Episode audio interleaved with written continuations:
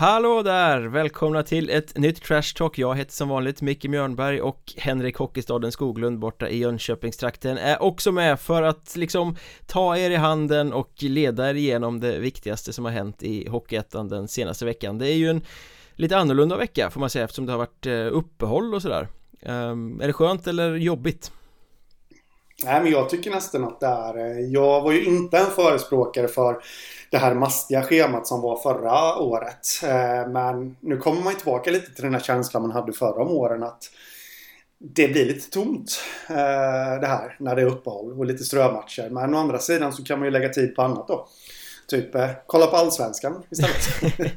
Jag tycker att det är ganska skönt med de här strömatcherna på något sätt när man kan lägga mm. fokus mm. på en enda match och inte ja. så mycket annat För när en full omgång så fladdrar man ju överallt och ska se det mesta och följa och sådär så att mm.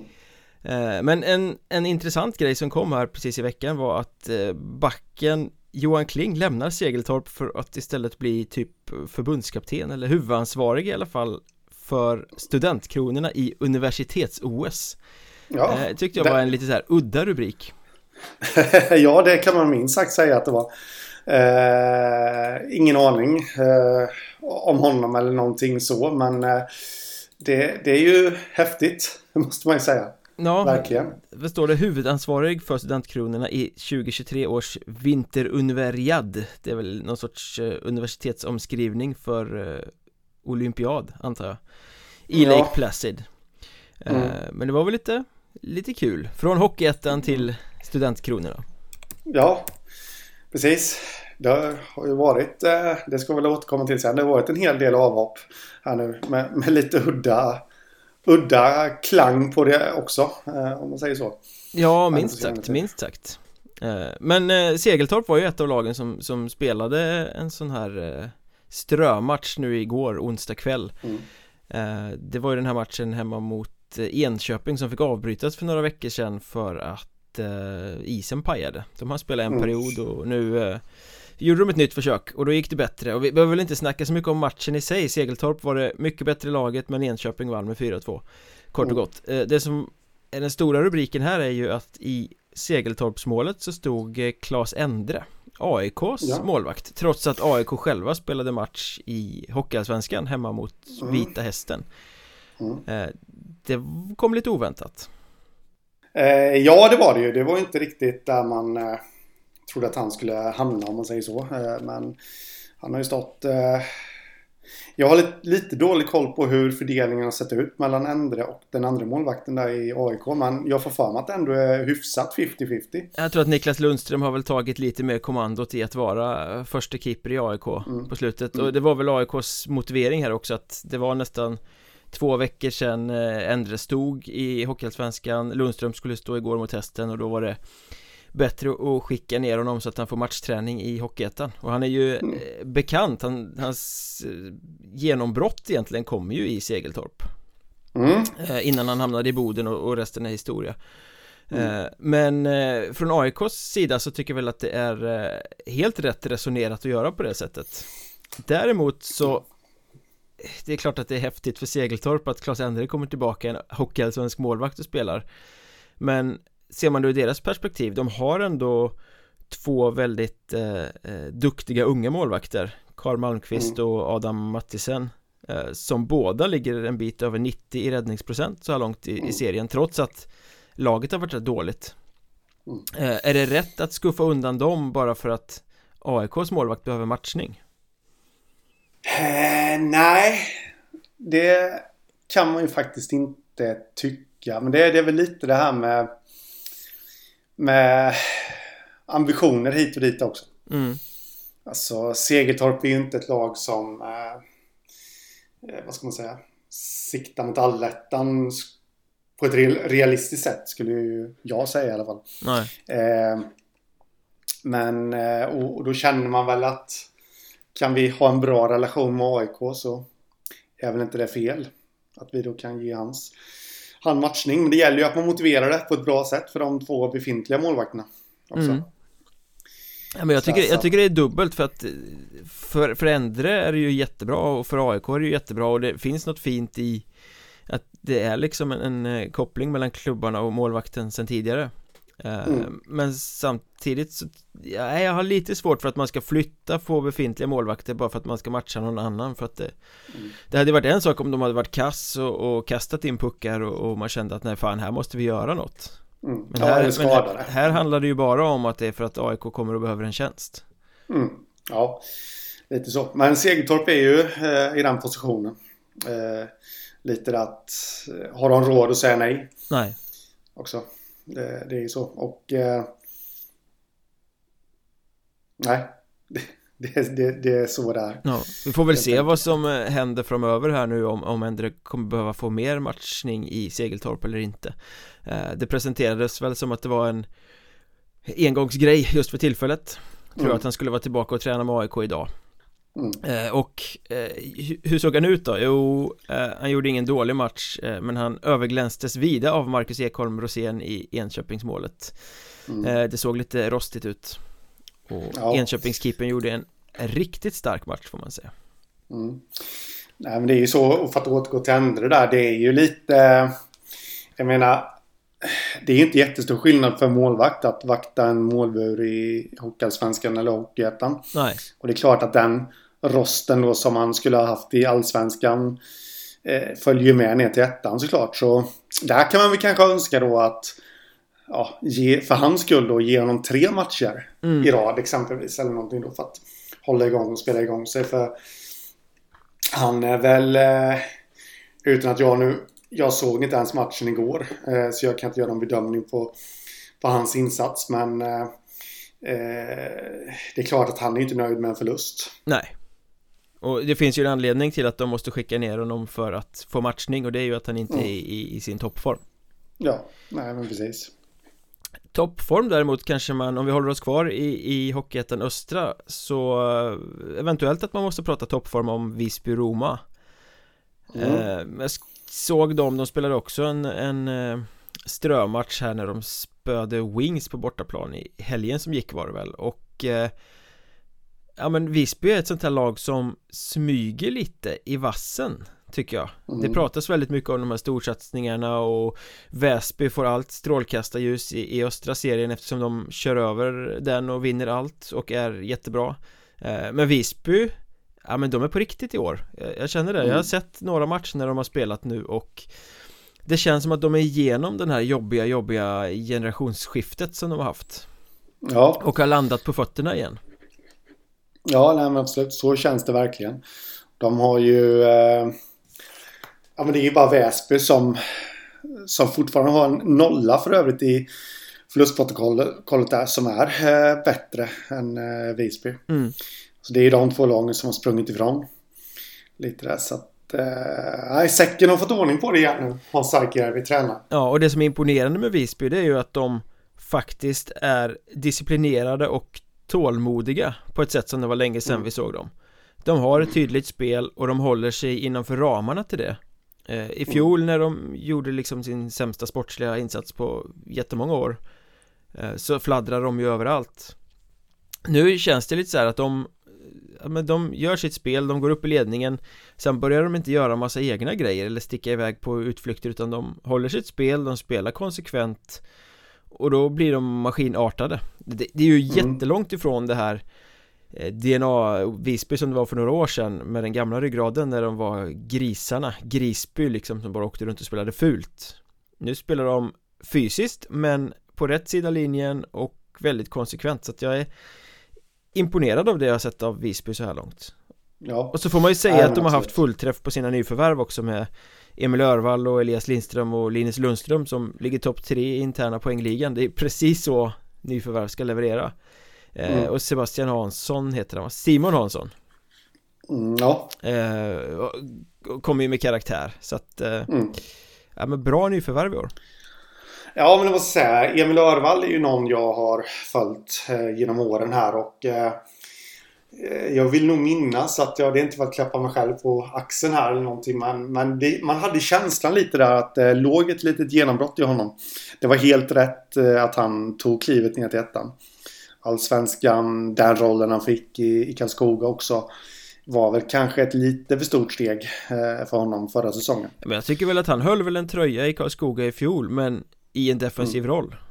Ja men precis Och det är ju väldigt moget det här att ta klivet ner För att fylla en offensiv roll ja. Och det har han ju verkligen gjort Jag skulle nästan säga att han är bästa spelare i Visby mm. Ja, han är riktigt bra det Ja, tillsammans med målvakten Filip Lindblad och han går ju från klarhet till mm. klarhet mm. De värvade ju här i veckan också, plockade in Jonas Sillanpää En eh, mm. ja, vad, vad, sa man förr i tiden om stora backar? Ett skithus Ja Typ ett, ett defensivt skithus som ska stå innanför blå och rensa Får jag intrycket av att det här är Han har varit skadad så han har inte spelat på hela säsongen men eh, Tittar man på hans siffror, både statistik, eh, längd, vikt, allting så känns det ju som att eh, Han kommer till Visby för att eh, städa i egen zon Ja, det är lite den känslan man får och eh, eh, Känns som en klockren Visbyvärvning på något sätt. Lite som, som följer deras DNA. Mm. Hur de eh, vill spela. Ja, det är svårt att säga. Jag, jag har aldrig sett honom spela och man vet ju inte vad det är för skada han har haft och hur det kommer påverka honom. Eh, men, men de behövde ju på längre sikt bredda backsidan för den har ju varit ganska tunn.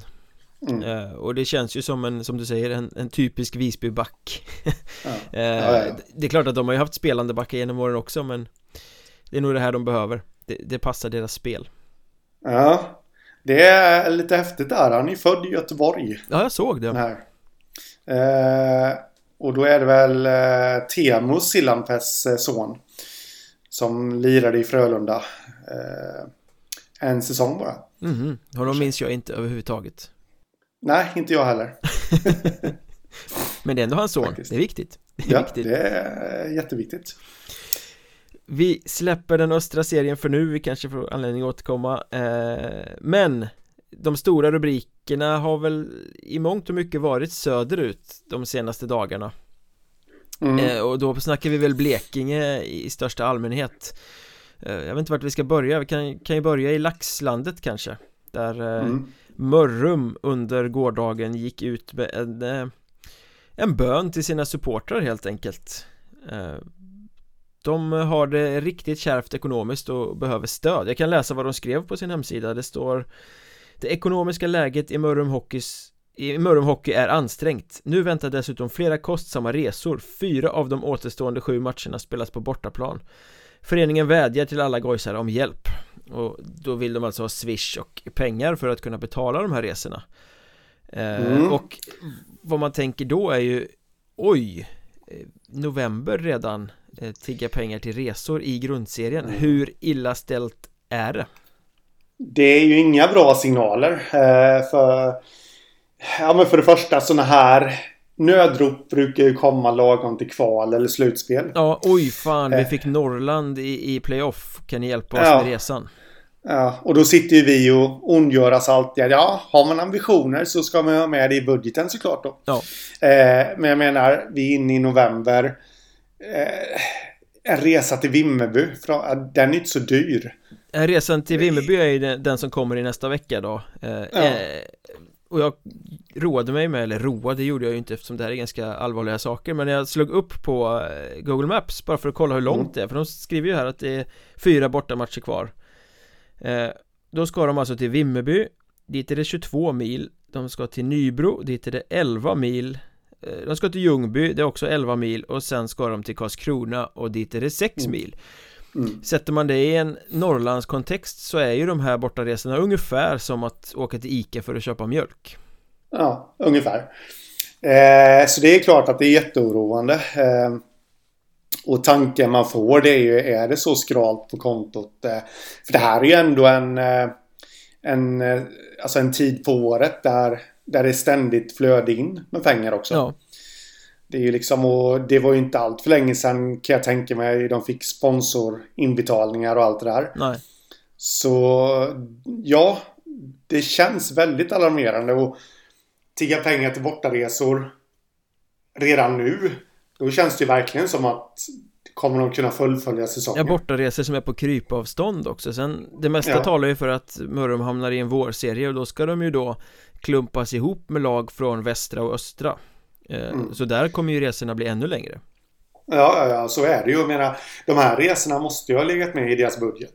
Ja, jag såg så att i, i Blekinge media där nere, BLT heter det väl va? Så var ju mm. Anders Gustafsson ordföranden intervjuad och eh, Ja men de förklarar ju det här läget med att publiken sviker Att eh, det inte har kommit publik på hemmamatcherna Men om det är så känsligt eh, Då tänker ja. jag också, vad, vad, har man för budget då? Har man budgeterat med glädjesiffror? Att man tror att, eller hoppas att det ska komma mycket mer folk? Eh, för ja. det är inte så att det har varit något tokdipp i publiken för Mörrum mot vad det brukar vara Nej uh, Nej jag vet inte riktigt vad det är de brukar ha för uh, publiksiffror men uh, Det är väl runt 700-800 Nej det har de väl inte haft på länge Det kanske de inte har Vad har de nu då? Ja men de har ju ja. Den här säsongen har de ju 800 Ja 58. jo men då har de ju också haft den här enkronas matchen där de hade massa publik ja, som inte var i hallen där det var liksom en publiksiffra på 2,5 fast det inte ens går in så många i Gösarenke Just det Så den siffran kan man ju inte liksom använda som måttstock här. Eh, men vi kan ju konstatera att det är uppenbarligen väldigt kärvt likviditeten är väl kass antar jag eh, mm. och eh, ja, men alarmerande, vi vill ju inte se en klubb som går under under säsongen Nej och det, de hade... det är lite den De hade 880 förra säsongen. Vad sa du? De hade 880 i snitt förra säsongen. Hade de det? Oj. Jajamän. Ja. Så det men om man ser till hittills så har det ju inte dippat någonting alls i stort sett. Nej, och så. då hade de väl säkert lite enkronor och sånt inräknat i den publiksnittssiffran ja, ja, också. Ja, precis. Så, så, då måste man ställa sig frågan att vad hade de förväntat sig? Ja. Jag menar, det är ändå en budgetsatsning på truppen. Ja. Eh, de tippade sist av väldigt många eller i botten och eh, det är väl klart att då kommer inte publiken om man har ett förlorande lag. Det måste de ha sett själva innan. Ja, men de måste ju ha haft alldeles för små marginaler helt enkelt. Ja, det känns lite det. Men vad kan man göra nu då? Um, jag menar, man kan tigga pengar av supportrarna men det blir ju bara en liten skvätt. I ja, det långa loppet det... kan man ju inte leva på sådana pengar. Nej, Nej, alltså det de får göra, om det nu är så alarmerande som man kan misstänka, att det är, det är ju att släppa spelare. Ja, man får väl försöka det skeppa de eh, spelarna som har kostsamma kontrakt helt enkelt. Mm. För du sa ju precis, det är en budgetsatsning så det är inte en jättedyr spelartrupp de sitter med. Nej, eh, det man kan tänka sig det är ju Marcus Paulsson och John Henryon. Mm. Eh, skeppa någon av målvakterna också, eh, kanske. Ja. Där. Så man kan tänka mig att de har väl rätt liknande lön kanske. Eh, så att man blir av med lite. Men det hur, hur eller hur den blir så skral ekonomi. Eh, det är klart att det sätter sig på spelartruppen. Gör man sig av med spelare sätter det sig på spelartruppen också. Så att, min, eh, min eh, gissning där i mitt tips att, att de blir joken här i söder den, den får jag väl nästan överge. Känns det som Ja, så, så ska man ju liksom kanske ställa det mot att skeppa spelare och riskera att åka ur Men mm. om man inte gör det och kursar så åker man ju ändå ur Ja På något sätt, så man kanske måste löpa den risken Och det är ju lockande mm. att tänka att varför Ja, är det inte dags för en sista tur i Karlskrona för Marcus Paulsson? Kan inte han och mm. John Henryen hoppa in och spetsa det där laget i en ultimat eh, jakt på Hockeyallsvenskan? Ja, det skulle ju vara någonting. Eh, vilket rabalder det skulle bli i Blekinge till att börja med. Ja.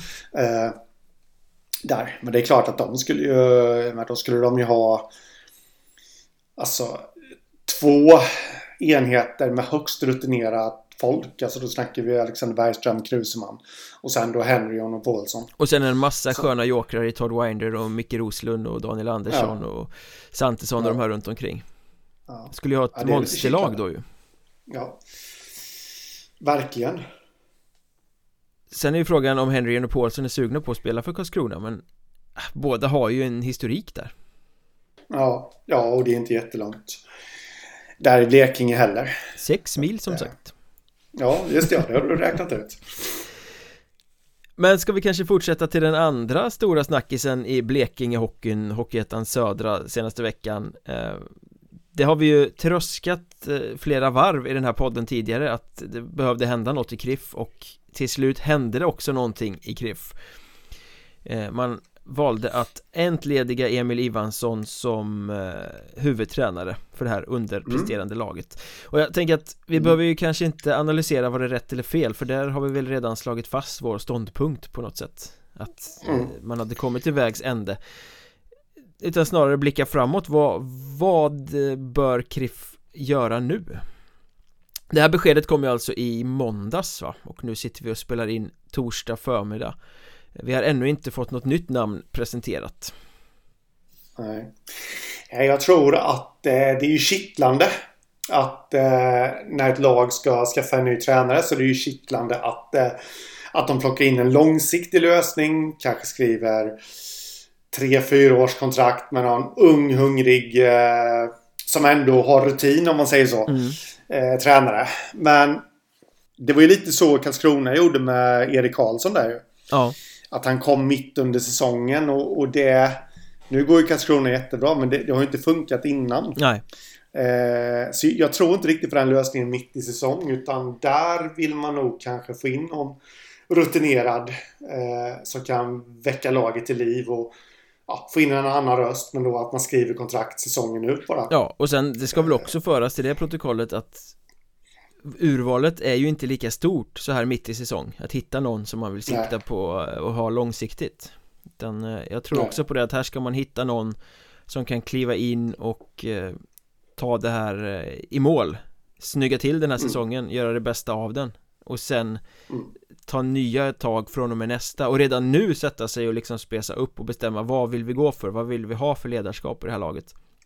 När vi ja. går in i säsongen 23-24 blir det väl då Men att de skeppade undan Emil Ivansson utan att ha någon ny som kliver fram eh, Det tyder ju på det prekära läget För ofta är det ju så ja. att när man sparkar tränaren så finns det någon som kan ta över direkt Um, ja. Nu har man lösningen tills vidare Jag menar det kan ju hända att de presenterar ett nytt tränarnamn medan vi sitter och spelar in Det går ju fort i den här ja. branschen men tills vidare efter sparkandet så är det ju assisterande Marcus Jörgensen som Som leder det tills en ny huvudtränare mm. är på plats mm. Så är det och uh, Ja då är det ju lockande faktiskt med Marcus Jörgensen som redan finns i truppen då.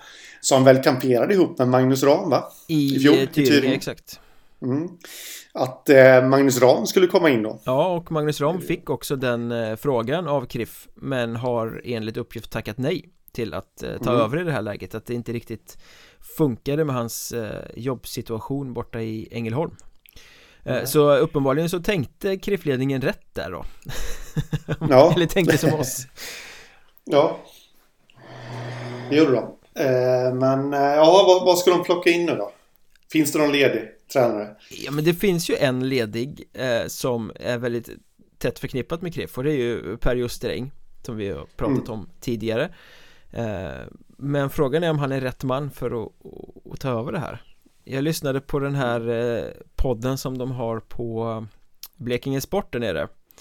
Mm. Skarpsvärd och Nicke Johansson med sin mm. sävliga norrländska som eh, Där har vi nog ett expertämne när han liksom vågar släppa sargen och eh, sluta vara politiskt korrekt eftersom han känner alldeles för många människor så kommer han bli underbar mm. som expert tror jag eh, Men där fick de ju in Andreas Nordfeldt kapten i KRIF på en telefonintervju rakt in i podden och mm.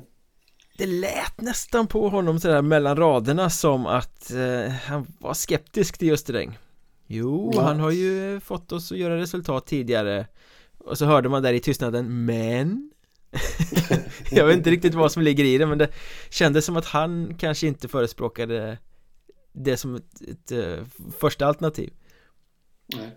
Vad tror du om Challe Franzén då? Ja men det snackade vi om i Patreon-avsnittet förra veckan Det hade ju varit mm. spännande eh, Och mm. jag vet att supporterna där nere kastar sig med massa nostalginamn Robert Burakovsky och Patrik Klyft och så att man ska plocka tillbaka någonting som har varit. Jag vet inte om jag tror på det. Nej. Nej. Det vet jag inte heller men nej, sen, sen är det lite svårt att hitta de här namnen Faktiskt. Eh, Det finns ju massa gamla sköna namn som har figurerat i Hockeyettan tidigare men det Utöver de vi har nämnt då Jag bara tänker på sånt som Jeff Hellegard. Eh, exempelvis. Mm. Eh, som varit lite överallt och... Men ja, nej. Så frågan är ifall de kommer hitta någon.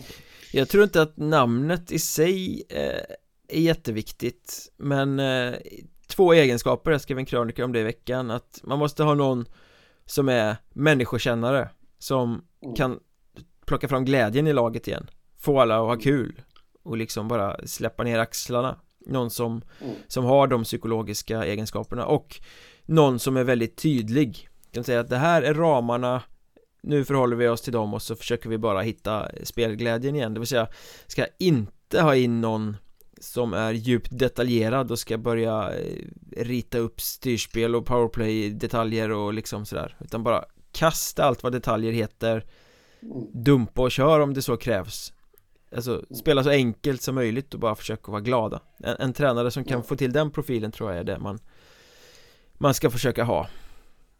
Ja.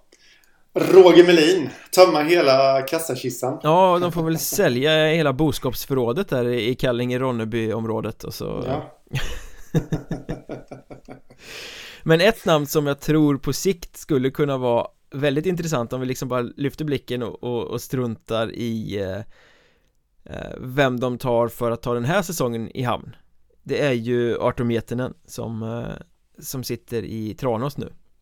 Mm. Honom lär de ju inte kunna få in just nu med tanke på kontraktssituationen men att jobba på honom för att ta över Kriff från och med nästa säsong Det skulle väl kunna vara spännande. Ja, ja det skulle kunna vara. Och de har ju en koppling sen tidigare klubben och han och, och sådär så att eh, Eh, det känns som en linje som de garanterat tänker på Nu kommer vi bli nerringda av en massa arga TIFE-supportrar Ja men två, två år i Tranås och sen tillbaka till KIF som huvudtränare Det känns, det mm. känns logiskt. Mm, Möjligt. Men Ivansson är väl egentligen kanske inte den största tränarsnackisen veckan som gick?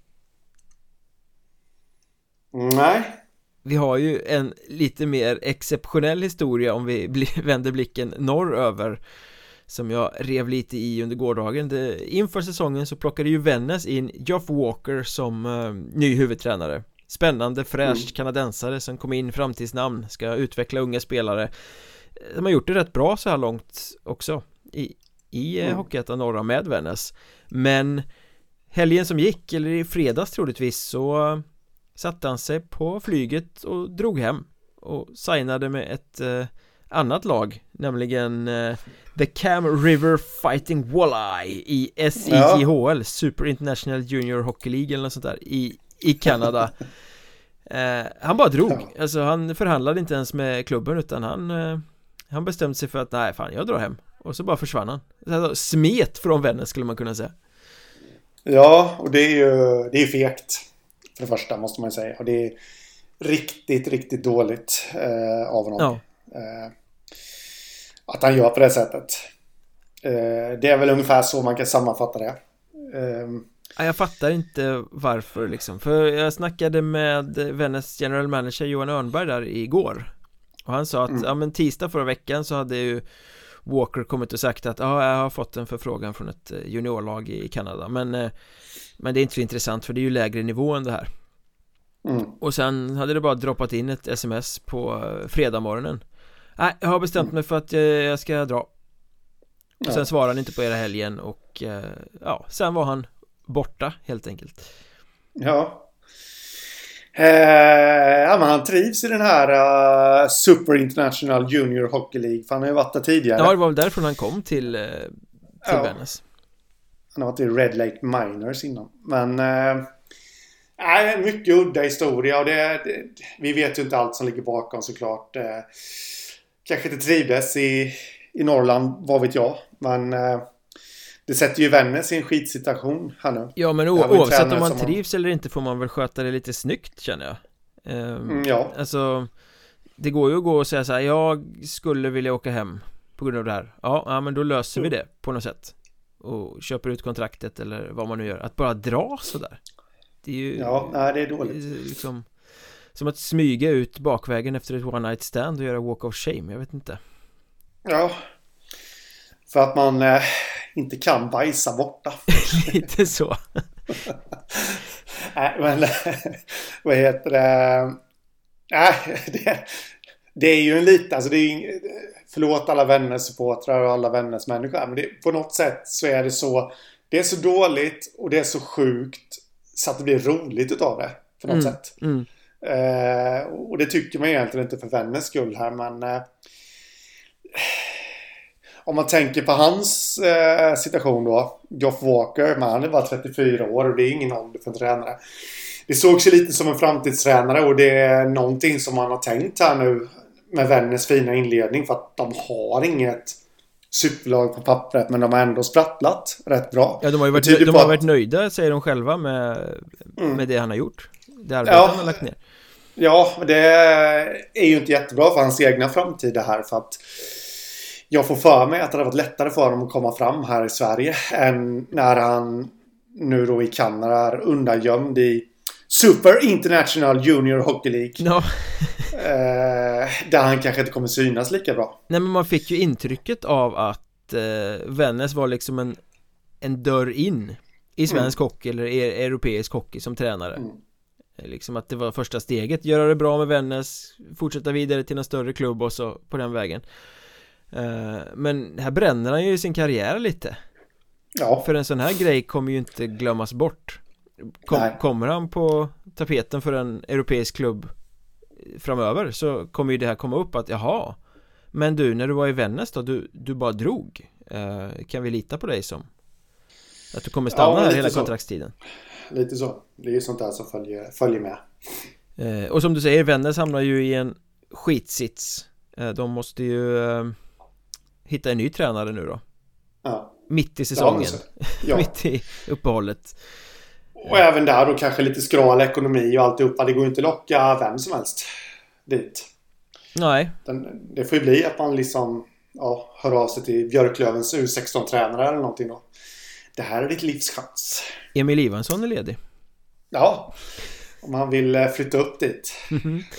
eh, Men vi pratade lite om det, jag och Örnberg där igår eh, Att det blir ju en väldigt lustig situation eh, Mm. Klubben har ett avtal med tränaren Och nu får ju de då vända sig till den nya kanadensiska klubben och Mm. försöka ha en dialog och förhandla att de ska lösa kontraktet Men det är ju Ja. väldigt svårt för Vännäs som är en liten, liten klubb utan några jurister eller någonting att liksom försöka förhandla med någon som är på en helt annan kontinent Mm. Det blir ju väldigt svårt och hade det varit en spelare det är det som är det intressanta i det här att hade det varit en spelare som gjorde på exakt samma sätt Mm. då hade ju Vännäs bara kunnat sitta lugnt, vänta på övergången och sen bara vägrat godkänna den Mm. Eh, Liksom inte skriva på transferkortet Eh, Men det går ju inte med en tränare för en tränare har ju inte transferkort på det sättet Nej. Så de är ju lite Nej. mer eh, utlämnade här Än om det hade varit en Mm. spelare Ja, men så är det. Och jag, det jag satt och funderade på det var vad gör förbundet i sådana här lägen? För på något sätt så måste ju Svenska Hockeyförbundet eh, kunna ha någonting att säga till om. Tror du på det själv eller att Svenska Hockeyförbundet skulle bry sig om någon medlem? Nej, det tror jag såklart inte. Nej. Men eh, det, jag har irriterat mig jättemycket på förbundet i helt andra anledningar de senaste dagarna också. Eh, så det tror jag absolut inte att de skulle lägga två fingrar i kors för, eh, för vänners skull. Eh, eller två hårstrån i kors heter det.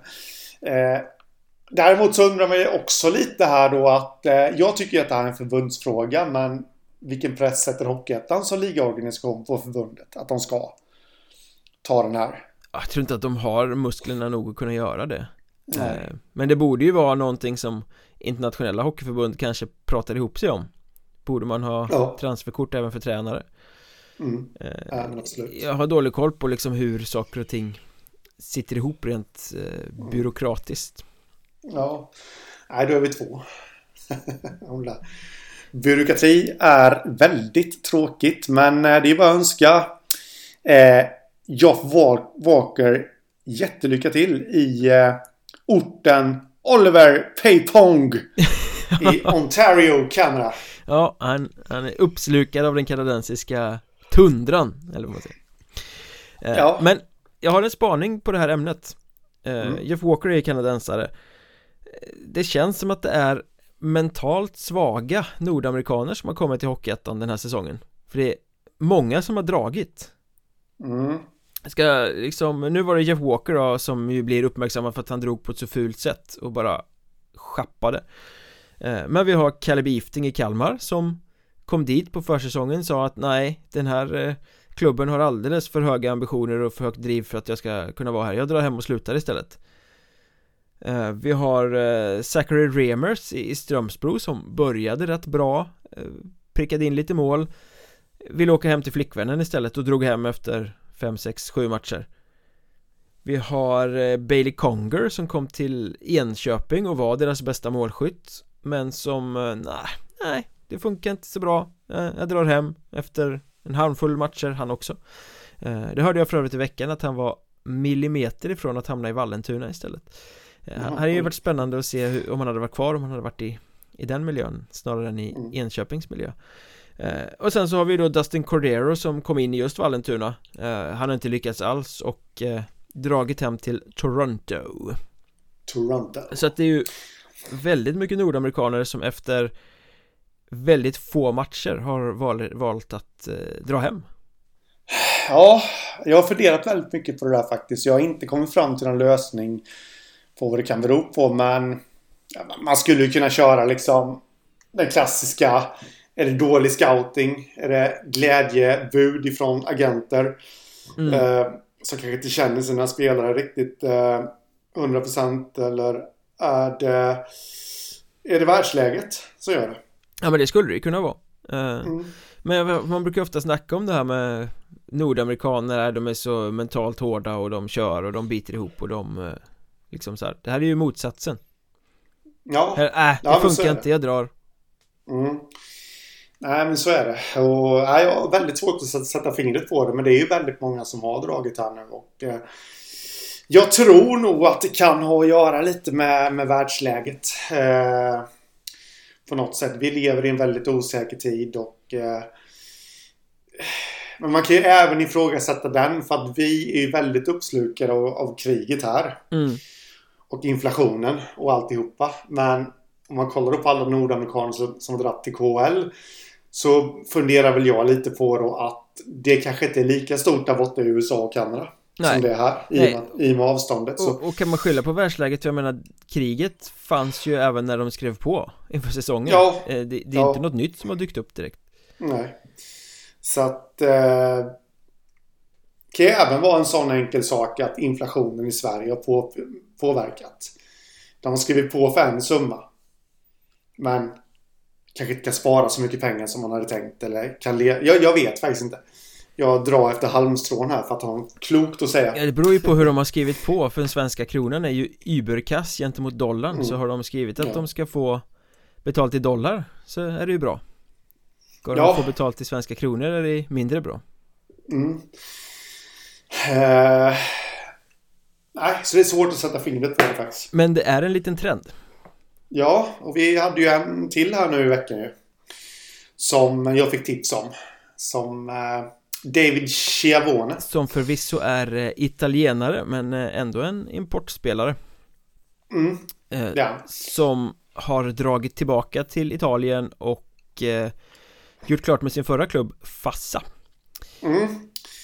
eh, Vad jag förstod det som, men det kan jag inte gå i god för men Det jag fick till mig var att han på eget bevåg hade lämnat Kiruna mm. Det vill säga att det känns lite liknande situationen som var med Geoff Walker där. Att han bara drog. Men det, det kan jag inte... Det vill jag inte slå fast på något sätt att han bara gjorde.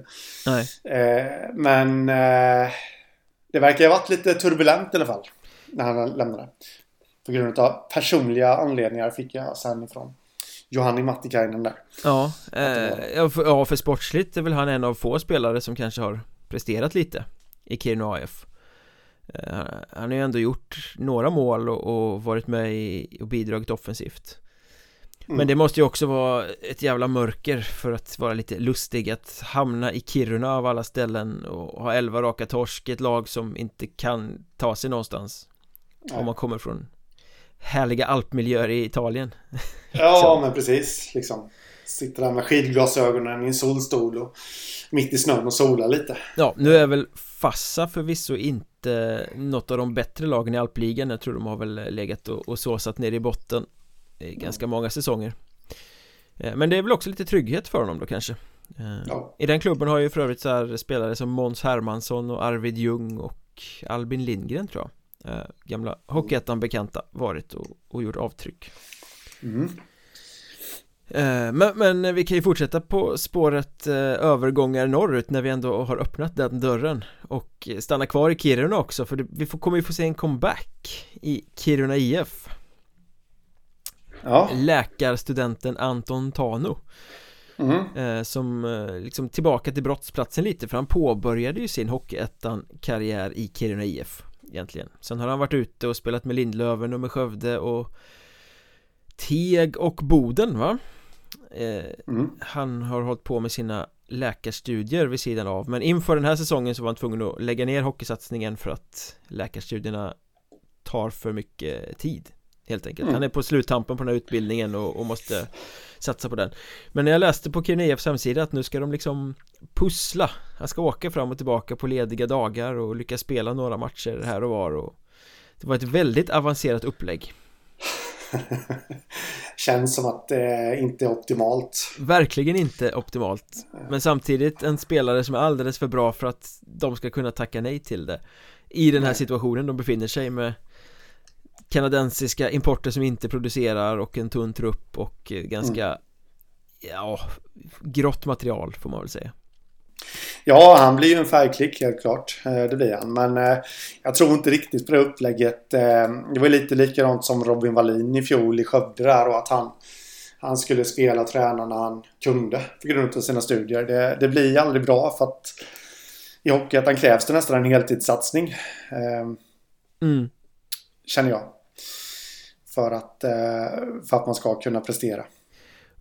Och kommer inte ihåg hur många matcher det var han skulle spela här nu Men det blir ju lite hattigt Risken är ju att det blir varken hackat eller malet Samtidigt så Nej. är det ju kittlande för jag menar han, Hur bra har han inte varit i Teg och Boden liksom Det är ju en mm. oerhört ja. klok offensiv spelare Ja Ja men så är det absolut Uppenbarligen ganska smart vid sidan av planen också med tanke på mm. yrkesvalet Ja och han var ju inte rädd för att sticka ut haken heller Han intervjuades där och pratade om hockeyn i Kiruna och hur illa det ser ut och att han nog eh, tror på den här idén som ju du och jag också uppenbarligen tror väldigt mycket på att det finns nog bara plats för ett hockeyettanlag i den stan mm.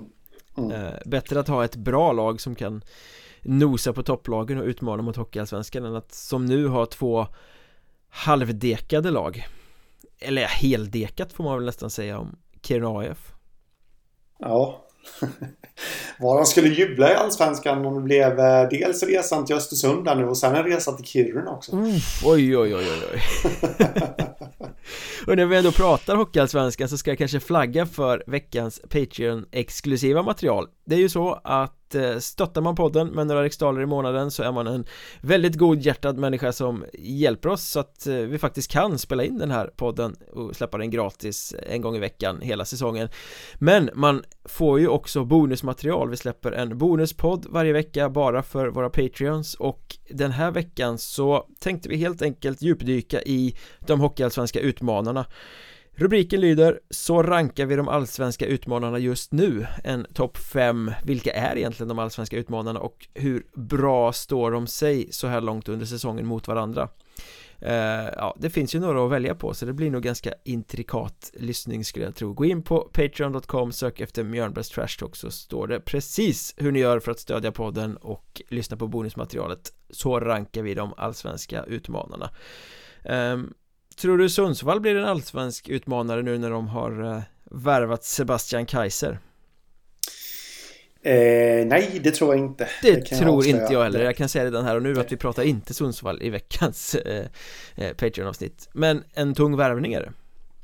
Ja, definitivt. Eh, Det måste jag säga. Det, det känns ju som att Sundsvall kom upp där för två år sedan i Hockeyettan. Intressant nykomling i fjol kanske de inte tog det där klivet man hade förväntat sig. Men det har de gjort i år. Eh, och det blir en jättefin pusselbit för dem. Faktiskt. Med honom in, in i truppen. Det måste jag faktiskt säga. Alltså, senast i Sverige så han har ju tre säsonger i Hockeyallsvenskan. Eller ja, två. Två på de tre senaste säsongerna i Sverige. Eh, gjorde det helt okej okay i Tingsryd tycker jag, men hoppade på tåget eh, i Ungern där, Ferencvaros. Mm. Kanske inte gick riktigt som han hade önskat, men han slog ju igenom där i, i Boden för den säsongen sedan i Hockeyettan. Han vet hur det är att producera i norr. Ja, han var ju en del av den här monsterkedjan med Christoph ja. Kontos och Pontus Johansson som mm. ledde Boden, Boden var väldigt bra det året och alla trodde att mm. här kommer de till kvalserien och sen körde de rakt in i Mariestad i sista ja. playoffsteget eh, Men eh, jag menar en, en Sebastian Kaiser i form är ju en mm. poängspruta i Hockeyettan norra. Och dessutom en ganska kraftfull spelare som kan bana väg och så. Eh, Så det känns ju som att Kommer han in och får ordning på grejerna så tillför han ytterligare en dimension i Sundsvalls anfallsspel. Mm. Och då har vi ju dem som en liten joker i allettan för det ser ju ut som att de är på väg dit. Ja, eh, verkligen. Eh, Det måste man säga. Och eh, eh, Man får ju revidera lite det man tänkte om Sundsvall eh, inför säsongen Efter att Anton Gustafsson hade lagt av alltihopa och att det skulle bli en för hård smäll för dem Men det vi var, li- ligger bra till just nu. Vi var lite väl snabba att jump to conclusion där Mm, det var vi. Men nu, de, de håller liksom måttet och, och gör det bra. Nu har de fått Kristoff von Burg skadad också bara, målvakten där. Mm. Men det är väl Viktor Rönnqvist som har stått flest matcher och de plockar in något lån från Timrås J20 för att backa upp honom. Mm. Fram tills att von Burg är tillbaka så det ska väl inte behöva betyda så mycket. Nej, känns inte så. Eh, mer övergångar i norr Jakob Sundin Gjorde mm. det grymt bra i Skellefteås juniorer i fjol Sågs väl som en liten spetsvärvning nästan när han kom till Vimmerby Men där har det inte funkat alls Precis som för hela laget egentligen Han bröt det kontraktet och har blivit klar för Piteå Ja eh, Intressant just att det är Piteå som han blir klar för eh, Därför de fortsätter lite på den här Alltså de har en härlig mix i sitt lag De har äldre och rutinerat och ungt och hungrigt och alltihopa. Mm. Så adderar man honom. Eh, nu har ju inte han, för det måste vi vara rättvisa att säga, han har ju inte presterat på, på seniornivå. Nej. Så vi vet ju inte än riktigt om han är en sån som klarar den här omställningen eh, från junior till seniornivå. Men eh, jag tror nog ändå är att eh, det kan bli bra i Piteås miljö och alltihopa. Att han kan få komma in i det lite i lugn och ro. Där, för de har ju ett, de har ett självspelande piano just nu. Eh, där. Då kan han ta det lugnt och fint. Och de tror ju uppenbarligen på honom för de skriver ju tvåårskontrakt då. Den här säsongen och nästa. Jo, men jag tror väl ändå att eh, Aro har väl haft honom. Om jag minns helt rätt här nu i eh, Skellefteås juniorer. Så är det säkert. Tränaren i Piteå där då. Så att eh, han borde ju veta vad han får. Ja, och det är väl lättare att lyckas i en miljö som Piteå där det faktiskt går bra och blåser medvind mm. Kontra i Vimmerby då där allting är kämpigt och gnetar emot lite så är man ny på seniornivå och sådär. Ja. Så jag, jag, tror på den här värvningen eh, mm. Jag snackade för övrigt med Micke Aro där i Piteå under veckan och eh, han var ju nöjd med mycket så här långt Men mm.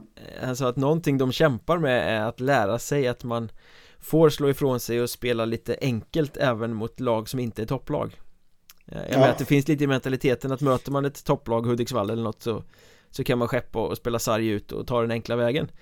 Eh, Men man mm. måste lära sig att göra det även Mot Örnsköldsvik och Vännäs och de här liksom. Att eh, få in det mindsetet för då kan man bli riktigt, riktigt bra. Eh, Och så är det väl när man jobbar med unga killar. Ja, så är det nog definitivt. Sen har ju två målvakter också äntligen hittat nya hem får man säga. Ja. Vi har ju snackat om Sebastian Andersson som stod nio minuter i premiären för Kiruna AIF och sen hamnade i frysboxen och Mike Sjöberg som inte har fått stå någonting i Boden sen de plockade in Karl Hjelm eh, mm. Nu under uppehållet så har ju då båda hittat nya klubbar Sebastian Andersson går till Grästorp, jag tror det är en permanent övergång och eh, mm. Boden lånar ut Mike Sjöberg till Nittorp ja. Så båda kommer alltså gnugga division 2 mm.